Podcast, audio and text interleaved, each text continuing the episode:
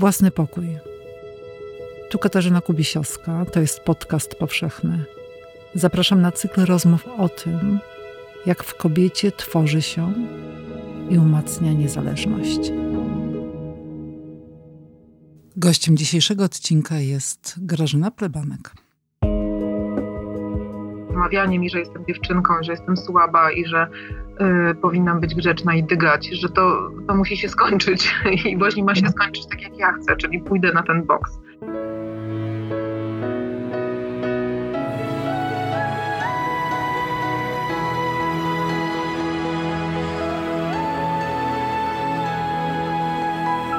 Podcast powszechny. Weź, słuchaj. Dzień dobry z Krakowa, Katarzyna Kubisiowska. Dziś będę rozmawiać z Grażyną Plebanek. Dzień dobry, Grażyno. Dzień dobry. Powiedz mi, gdzie ty jesteś? Jestem w pokoju, e, co więcej własnym, ale to nie jest pokój do pracy, tylko to jest taki pokój, w którym mogę się sama ze sobą pobyć i, i tutaj funkcjonować normalnie. To luksusowa sytuacja ale to nie jest taka świeża, yy, znaczy to jest świeża sprawa, bo, bo dość długo miałam taką sytuację właśnie, gdzie wszystko się działo w jednym miejscu yy, i pokój nie był co prawda przechodni, tak jak to dawniej bywało. Jane Austen, mam wrażenie, pisała w buduarze, yy, a ktoś tam jeszcze, jakaś dama pisała chyba w jakimś takim przechodnim pomieszczeniu, gdzie, gdzie co, co jakiś czas właśnie przechodziła służba, wpadały dzieci i tak dalej. E, także ja sobie po wielu, wielu latach y, taki stryszek doprowadziłam do, y, do, do porządku. I, I, właśnie tam na tym strychu funkcjonuje, co opisuje zresztą w książce Bruksela Zwierzęcość w mieście, bo y, pandemia zastała mnie w trakcie pisania książki, wtedy właściwie o Brukseli. I właściwie wyszłam od tego pokoiku. Zaczęłam pisać o tym, że jestem, że jestem właśnie tam i tam były przede mną, to się nazywa chambre de bonne, takie pokoje dla służby tutaj w Brukseli, w kamienicach na górze bywają właśnie takie pokoiki maciupeńkie, które kiedyś należały do pań służących, czy panien służących właściwie. Także poniekąd przechwyciłam po nich to jedno malutkie pomieszczenie. Mhm. To się nazywało służbówki takie.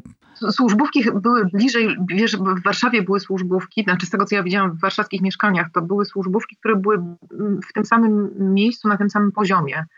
Natomiast tutaj te panny służące były oddzielone kompletnie, bo kamienica pieła się w górę, tam powiedzmy dwa, trzy piętra, e, a na samym stryżku, taki pod, pod skosami, e, pod samym dachem właśnie były pokoiki, które malutkie, z malutkimi e, okienkami.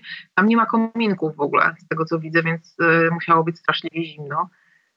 I tak sobie te mm, kobitki funkcjonowały. No ale ja sobie tam przystosowałam właśnie pisania i pod tym dachem jest y, dobrze myśleć. Mm-hmm. No a jakbyś miała powiedzieć o tym swoim pierwszym własnym pokoju? Czy już y, on się zdarzył, y, jak byłaś dziewczynką, jeszcze w Polsce? Długo mieszkałaś w Polsce, później ruszyłaś w świat, ale, ale czy wtedy już miałaś własny pokój, czy to jest pieśń przyszłości? Było pieśnią przyszłości. Miałam pokój, bo y, jestem jedynaczką, także tak się ułożyło, że przenieśliśmy się z takich drewnianych fińskich domków, gdzie rzeczywiście, ale już wtedy miałam tam pokój swój, bo tak się zdarzyło, że te fińskie domki tam się przepaczały w ogóle e, rodzinne różne konfiguracje, bo to był jeden domek na całą dużą rodzinę po wojnie właśnie No to wspaniale, wielopokoleniowe domy to już jest e, właściwie tak. w zaniku. Mhm. Także, ale ja się, ja już trafiłam na taką końcówkę, kiedy, ponieważ urodziłam się w końcówce lat 60., to już wtedy większość osób w rodzinie miała swoje jakieś tam mieszkania, kawalerki, gdzieś się tam roztasowała. Także myśmy zostali z, z moją mamą, tatą i, i babcią właśnie w, tym, w tymże domku. Także dla mnie był maleńki pokoiczek. Pamiętam, i wychodził na e, żywopłot. Nie na jabłonkę, tak jak facjatka w Ani z Zielonego Wzgórza, to na, na żywopłot właśnie. Bo było to bardzo ładne i słyszałam tam takie od rana. Także ten pokój był fajny. I drugi pokoik w blokkach Mm, ponieważ jak miałam 5 lat, to się poszliśmy do bloków też parter, ale jakże inny krajobraz e, za oknem, bo okazało się, że wychodzi ten, ten mój pokoik, okno wychodzi na, na podwórko, które wówczas tak naprawdę było kupą żwiru. Po drugiej stronie wyrastał taki sam e, szary, ponury blokas i taki był widok na samym początku. Także to było dość traumatyzujące, muszę powiedzieć. Napisałam książkę Dziewczyny z Portofino, w której tam te, te elementy traumy widać chyba. Czyli ważny jest krajobraz, ważne jest to, co widzimy e, za oknem. E, ważne tutaj dodaję dla też przede wszystkim pisarza, pisarki. Tak. No niewątpliwie, bo e, co prawda nie, nie jestem osobą, która siedzi w oknie, nigdy tak nie było, natomiast chodzi o światło, to, to co się dostaje do, do środka. W tych blokach no, ten drugi szary stał naprzeciwko, także właściwie zasłaniał wszystko, nie widziałam słońca tak naprawdę e, i wtedy jest poczucie zamknięcia. Zresztą myśmy mhm. rozmawiały z moją przyjaciółką, która się wychowała w domku jednorodzinnym. Została zresztą Dorota Budkowska, która jest w tej chwili artystką, e, maluje, rzeźbi. E, I rozmawiałyśmy o tym, jak nas ukształtowały właśnie te początkowe przestrzenie naszego życia. Ona jednak miała w sobie, jeśli chodzi o wyobraźnię, rozmach, który mnie zawsze strasznie imponował. Znaczy Dorota po prostu y, potrafiła jakoś tak otworzyć się na, na świat, na przyrodę, wszystko to było takie jej. Natomiast ja miałam zawsze taki kurcz, y, że ja wychodzę dopiero, muszę wyjść, muszę przekroczyć próg i dopiero ten świat na zewnątrz jakoś tam oswoić, obwęszyć, poznawać.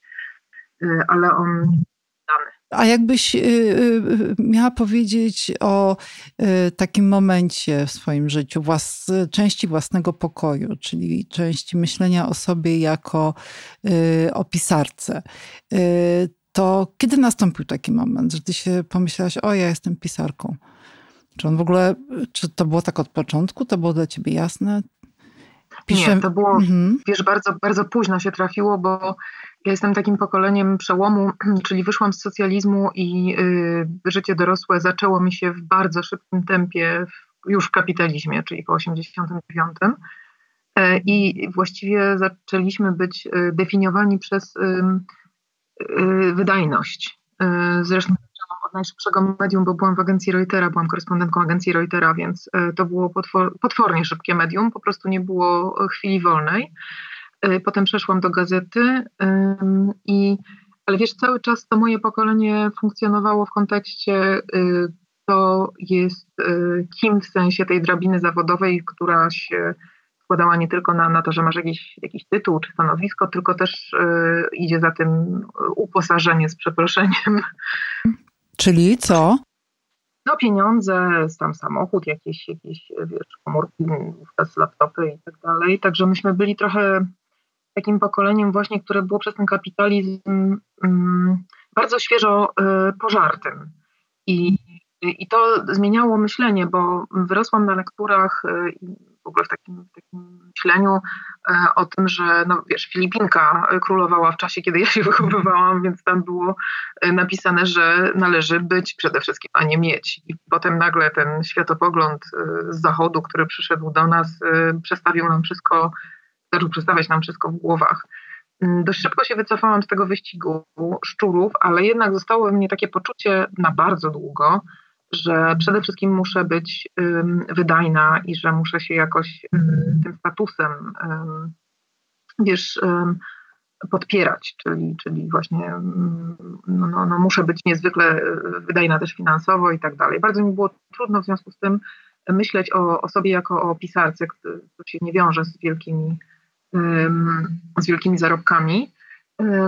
Poza tym jest tak, ponieważ jestem kobietą, więc na początku y, role życiowe y, są też bardzo wyraźne, tak są rozpisane, że, że, że albo je bierzesz, albo, albo się przeciwstawiasz. Na przykład rola e, matki, rola żony, w ogóle rola wejścia w drugą rodzinę. Y, no to to są takie bardzo, bardzo konkretne rzeczy, które powodują, że człowiek, ja przynajmniej miałam poczucie, że jakoś tam staje się tymi rolami na pewnym etapie życia. Nie miałam dla siebie takiej przestrzeni. To nie był czas na to, żebym nie miała dla siebie przestrzeń. A jeżeli nie miałam, to um, miałam z tego powodu wyrzutu sumienia. No a jak, jak godziłaś tę rolę? No bo jednak y, y, rodziłaś dzieci jednocześnie, no nie rezygnowałaś z pisania. Tak, bo to jest silniejsze, wiesz? Okazało się, że idę za głosem y, instynktu, że mam po prostu psi instynkt, który mi mówi, że tego nie odpuszczę. I y, y, mimo, że miałam, wiesz, no w ogóle pogodzenie pracy jakiejkolwiek i roli matki wiąże się z tym, że człowiek jest w permanentnych wyrzutach sumienia i one go właściwie duszą cały czas, także społeczeństwo nie pomaga i cały czas wytyka, że się jest beznadziejną albo w, jedno, w jednej z tych ról, albo w drugiej, albo w obu. Mm, natomiast um, bycie pisarką właściwie, czekaj, to było niedawno, kiedy ja zaczęłam. Oczywiście pisałam przez cały czas, publikowałam przez cały czas, tylko mhm. tak jak mówię, nawet nie byłam w stanie przyjechać na, na, na promocję, bo miałam inne zajęcia, inne obowiązki. Um, troszkę nie doceniałam tego, co się dzieje, że jest, że jest wokół książki, że ludzie chcą o niej rozmawiać. Takie to było trochę. Nie wiedziałam, czy tak naprawdę to ja napisałam tą książkę. I właściwie to dopiero niedawno, wiesz, wiąże się z dojrzałością, z odzyskiwaniem własnego głosu, z odzyskiwaniem prawa do tego, żeby mieć własną wewnętrzną przestrzeń. I to jest kwestia e, przeżyć, kwestia podsumowań, kwestia wieku. E, to podsumowałam zresztą w książce Rozbójniczki, która się przed chwilą pokazała, e, ukazała. Mm, I podaje taką... Nictwie Osnowa to jest świeżynka. Książka tak, sprzed miesiąca. Mhm. Dokładnie, rok, dokładnie miesiąc dziś minia, nie, jutro minie miesiąc, 24. I to podsumowałam właściwie w tej książce mm, taki, takie, takie wektory, które mnie wiesz, skierowały właśnie w stronę y, tego, że mogę o sobie teraz powiedzieć, mogę przede wszystkim poczuć, że jestem pisarką, bo nie ma chyba co się tak definiować, że jestem pisarką, bo to jest y, zamykanie się w tożsamościach, to też nie jest moja specjalność i, wiem, że to nie jest zdrowe. Natomiast y, na pewno ja się czuję już pisarką, wiem, że moim głosem mm, jest też głos pisany y, i, i to, to się wydarzyło też ostatnio w związku z tym, że na przykład siła fizyczna we mnie dojrzała, bo tam od 12 lat ćwiczę boks skutecznie i, i to też jest mocne. E, przeżycia duchowe, które się nie wiążą z religijnością. Też sobie daję do nich prawo. Także o tym wszystkim właśnie piszę w tym w rozbójniczkach. Mhm. Mhm. My do tych rozbójniczek za sekundkę wrócimy e, i do tego ich e, głównego tematu, czyli takiego konfrontacji z, z dojrzałością własną, ale też dojrzałością innych kobiet.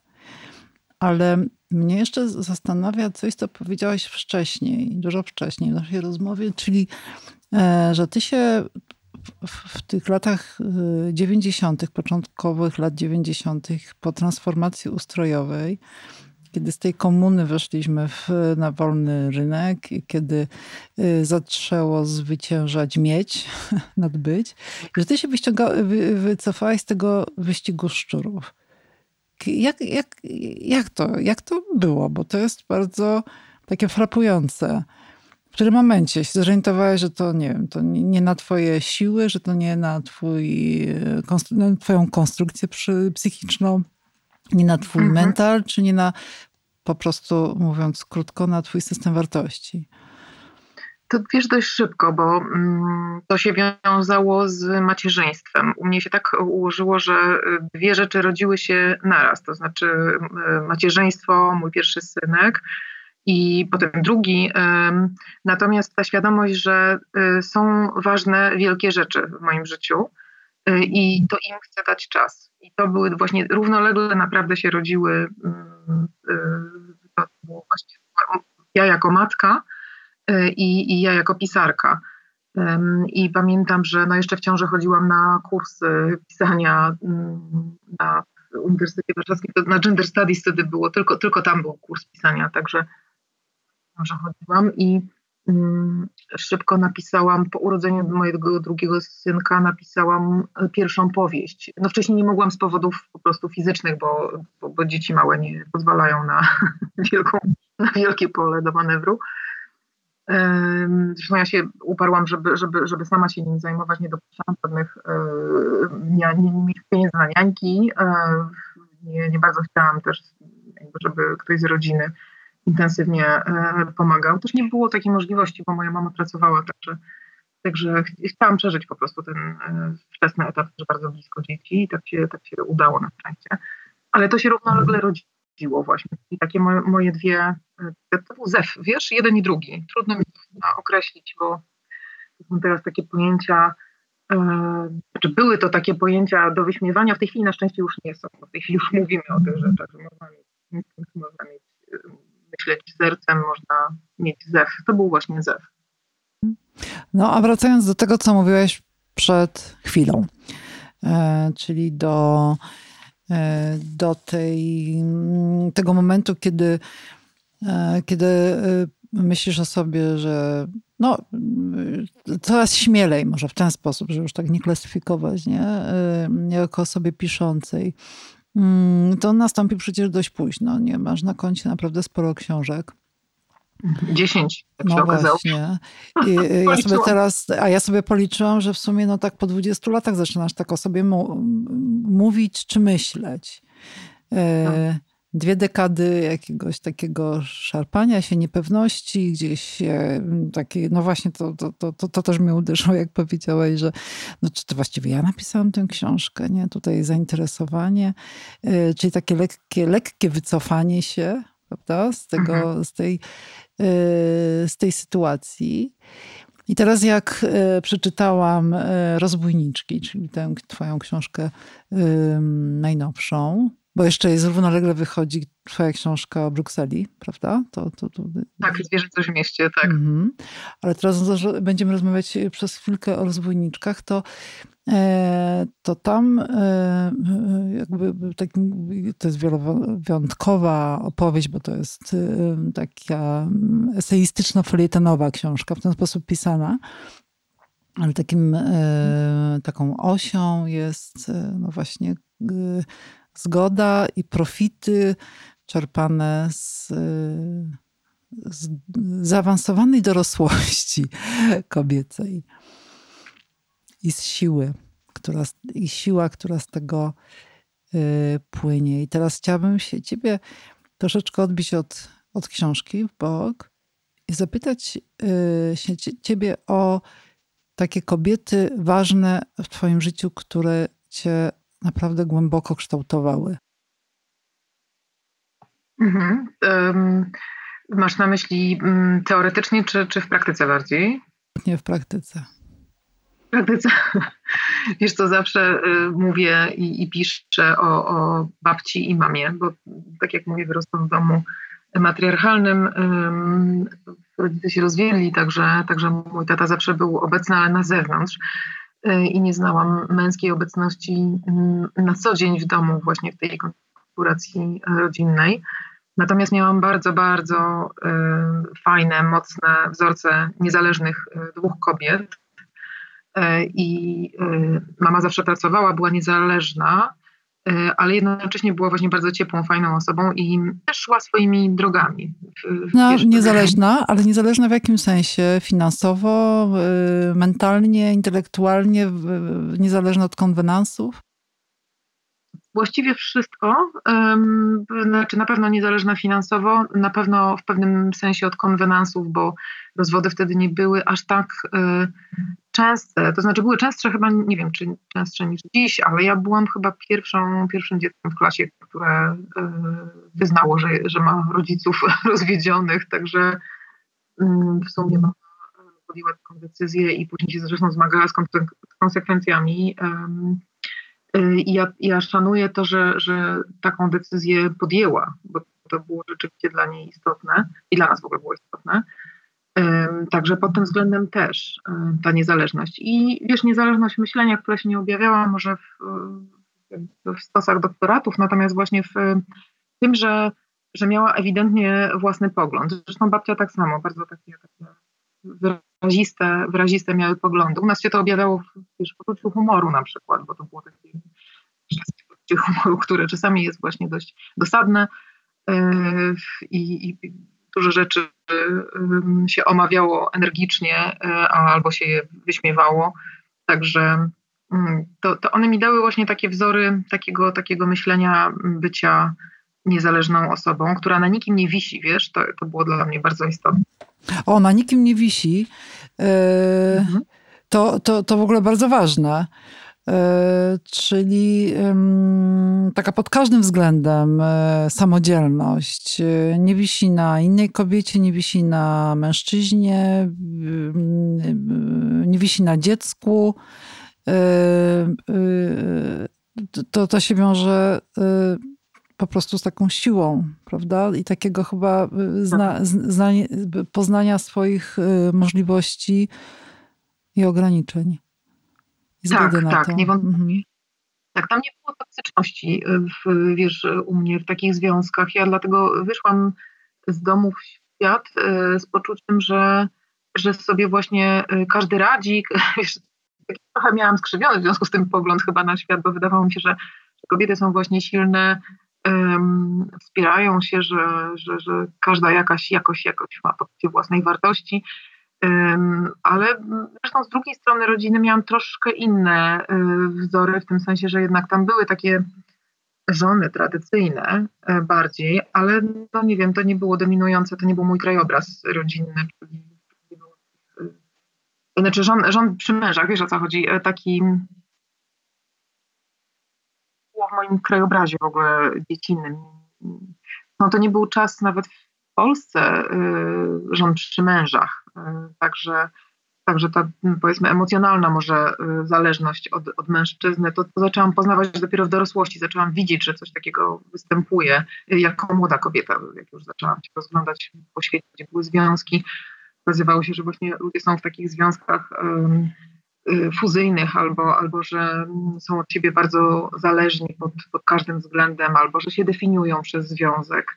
I to było coś, co mhm. dla mnie było no, taką pełną egzotyką.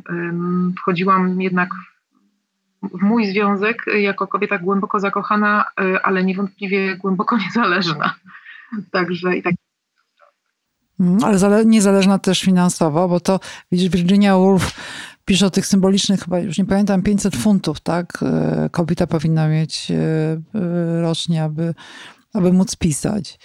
Jak to jest tak, właśnie? No myśmy wiesz, pracowali, byliśmy oboje korespondentami agencji Reutera, także to było, to były równoległe stanowiska, to, to także tak, no tak, tak to było. Mhm, mhm. No a jeszcze powiedz więcej o babci. I babcia. No babcia to w ogóle postać. Yy, ja miałam w ogóle trzy babcie, tak się okazało w życiu. Yy, natomiast moja babcia, ta taka najbliższa, dlatego że z nami prawie mieszkała. Właśnie widzisz, niezależność polegała na tym, że ona miała swoje własne mieszkanie, e, malutkie i bardzo fajnie urządzone, natomiast mm, przychodziła do nas, bo musiała pomóc, znaczy musiała, chciała po prostu pomóc przy wychowaniu mnie. Także moja mama chodziła do pracy i, i babcia u nas była mm, codziennie.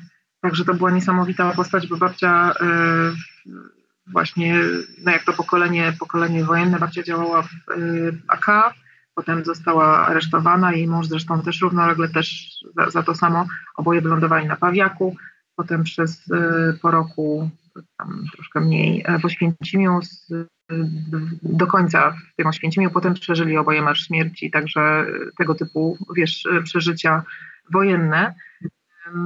I potem babcia z kolei była taką podporą rodziny, e, opiekowała się, znaczy wspomagała swoją, swoją matkę, która była już wówczas wdową.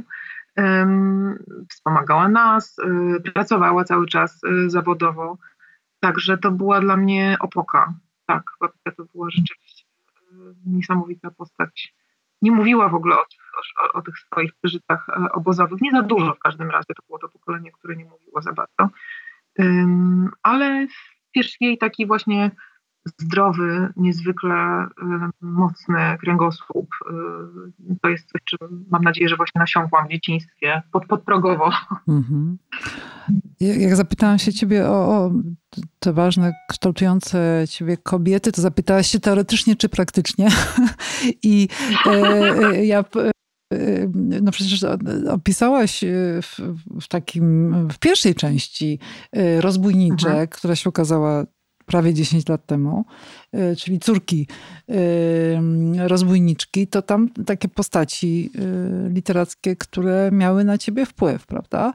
Ja teraz chciałam się zapytać o, jakbyś teraz już no, minęło trochę czasu, jakbyś miała powiedzieć z dzisiejszej perspektywy o takiej jednej, jedynej postaci z literatury, która, która jest dla ciebie szalenie istotna, kobiecej postaci kształtujące? Mhm. Strasznie trudne pytanie, wiesz, bo ja na, ta, na tego typu pytania mam natychmiast y, dziurę po prostu, wiesz, taką, bo tych, bo tych kobiet jest bardzo dużo i tak naprawdę ostatnio żyłam tymi bohaterkami, o które ostatnio opisałam. Natomiast i gdybym miała wrócić, bo wiesz, tamte córki rozbójniczki to był rzeczywiście inny zestaw, tam mm, nie, nie, nie tylko kobiety, pisarki, e, tancerki, ale tam też, tam też były zwierzęta. E, I te, ta zwierzęcość we mnie została i teraz na głos się zastanawiam, że być może jest tak, że jedną z tych postaci, które zrobiły na mnie wielkie wrażenie, to są na przykład zwierzęce postaci, na przykład um, nie zdziw się, bo to nie, nie będzie kobieta, ale, ale blisko. Jest taka taka, taki pół pies, pół wilk, który się nazywa Kazan, który występuje w, bodajże w Szarej Wilczycy, tak? Tam... E, Czego? I, Dlaczego? Wiesz, bo on jest mieszańcem. E, on jest taki dziarski, niesamowity, jest jest, mm, pochodzi, z, nie daje się właściwie skodyfikować i, i znaczy sklasyfikować. On jest, on, jest, on jest trochę dziki, ale trochę udomowiony, trochę chce być e, z tymi, których kocha, a trochę chce być e, na wolności. Jest, jest bardzo e, wierny i, i, i i, i, jakby jest opoką, można na nim polegać, ale z drugiej strony potrafi y, tapnąć i jest, i jest dziki. Także coś mnie w tej postaci fascynowało y, cały czas i oczywiście y, na początku go utożsamiałam z płcią biologiczną, wydawało mi się, że to być może jest mężczyzna, ale teraz im dłużej myślę o Kazanie, y, tym bardziej, tym bardziej myślę, że on może być kobietą, że to jest właśnie ta dzikość w nim, tam była chyba jedna czwarta y, w nim wilka, i, I, to, mnie, to mnie fascynuje, bo dwie książki, które teraz właśnie wyszły, o których mówiłaś, to, to są książki, które tą zwierzęcość mają jako właściwie motyw przewodni i on mnie cały czas prowadzi. E, także to jest e, coś, co opisuję mm, w dwóch wręcz rozdziałach e, w rozbójniczkach. Piszę o, o zwierzęciu, o nas jako o zwierzęciu, o, o naszym ciele, o tym, jak jesteśmy my jako kobiety postrzegane. Mm, a drugi to jest właśnie ten rozdział pod tytułem Zwierzę wiwisekcja, gdzie już jesteśmy z kolei y, jak, jak zwierzęta niemalże oprawiane, czyli przemysł kosmetyczny, przemysł um, chirurgii plastycznej nas w gruncie rzeczy oprawia, odsysa y, jakimiś substancjami i tak dalej. Nadziewa. Nadziewa, tak. Te wszystkie ja już w ogóle nie mam, wiesz, farbuję, y, strzyżę te ogonki i tak dalej. E, w drugiej książce z kolei opisuje metaforą, tam jest e, wędrowanie z psem, który jest e, jednym z trzech symboli takich głównych Brukseli, czyli to jest kundel, Zineke się nazywa. Kundel, który mm, tutaj jest symbolem miasta, bo tu dużo było kiedyś psów bezpańskich, one, one się zbijały w takie bandy, ale czasami pomagały ludziom w ogóle, bo jak była plaga szczurów, no to, to pomagały tam je wytępić. I ten pies jest dla mnie takim przewodnikiem po, po mieście, właściwie po, po podziemnym trochę mieście, bo opisuję rzeczy, które nie są omawiane. To jest taka podświadomość miasta, więc ten pies jest przewodnikiem. Więc wracając do początku, gdybyś mnie zapytała o istotną postać, to to będzie Kazan. Mm-hmm, mm-hmm. A powiedz mi, czy yy, jak, jak myślisz sobie o swoim yy, pisarstwie, to ma to jakiś związek też albo wzmocniony jest y, y, poprzez y, to, że uprawiasz boks, o którym też swoją drogą piszesz w Rozbójniczkach. Jest jeden rozdział temu poświęcony. Też napisałeś przecież książkę Bokserka. Mm, czy to cię wzmacnia?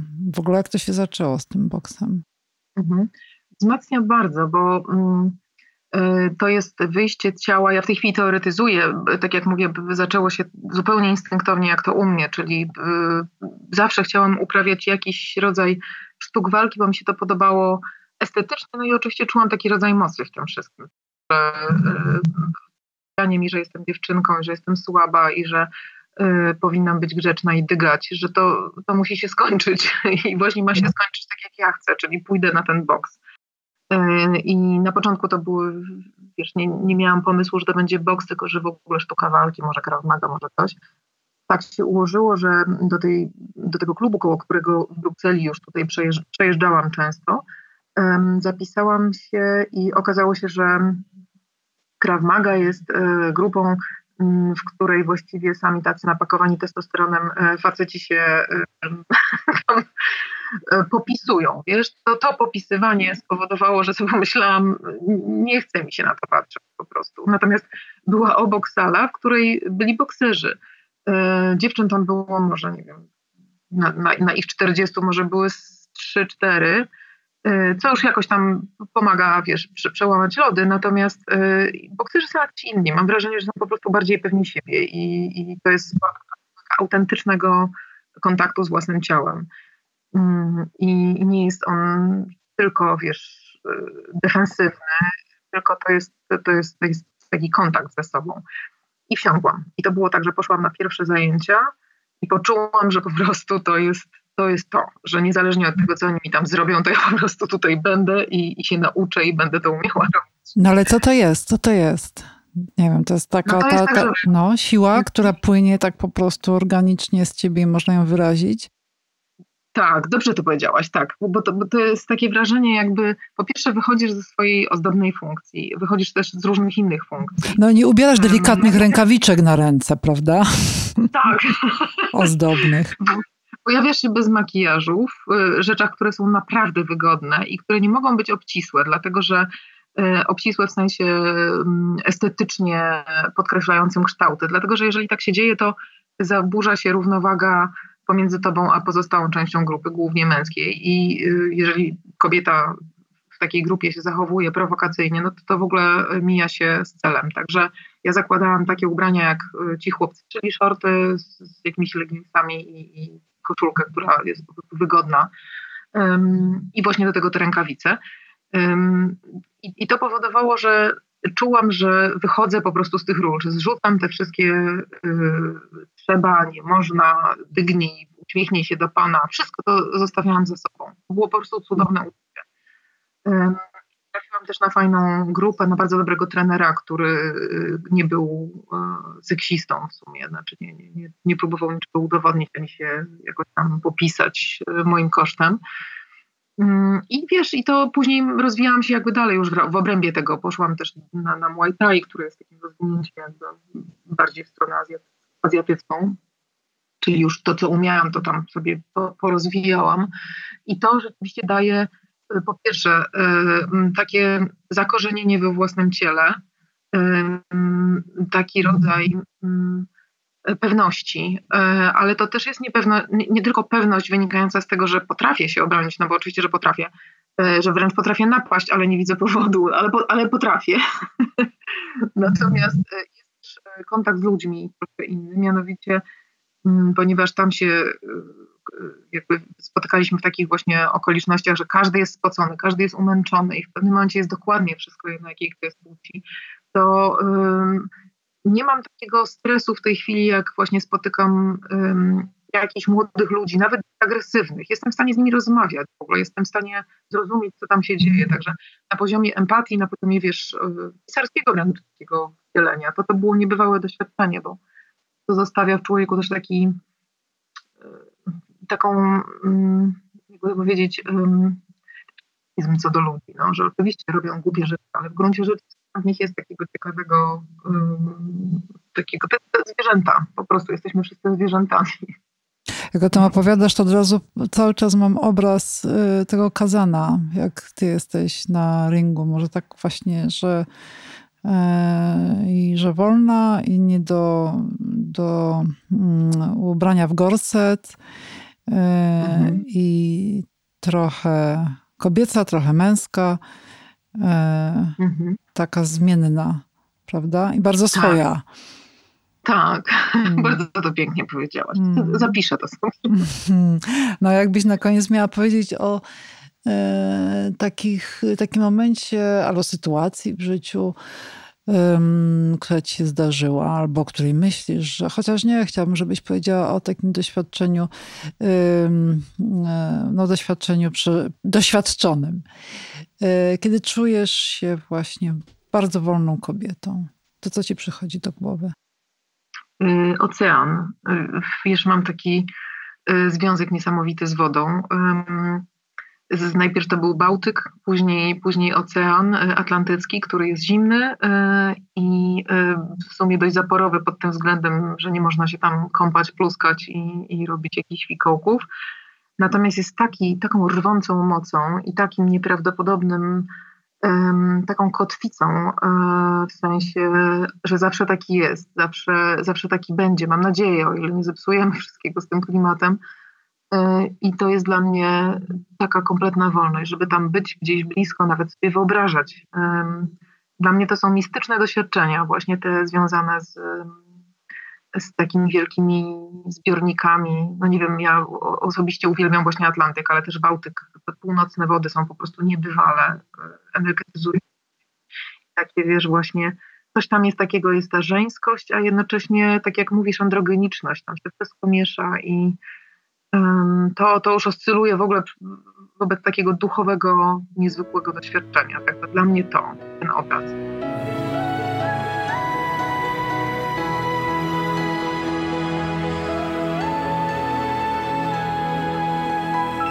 Podcast powszechny.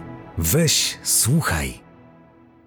Jeśli słuchają nas Państwo w Spotify albo w Apple Podcast, zasubskrybujcie nasz kanał. Jesteśmy też w Google Podcast i w aplikacji Lekton oraz na www.tygodnikpowszechny.pl/podcast. Współwydawcą podcastu powszechnego jest Fundacja Tygodnika Powszechnego.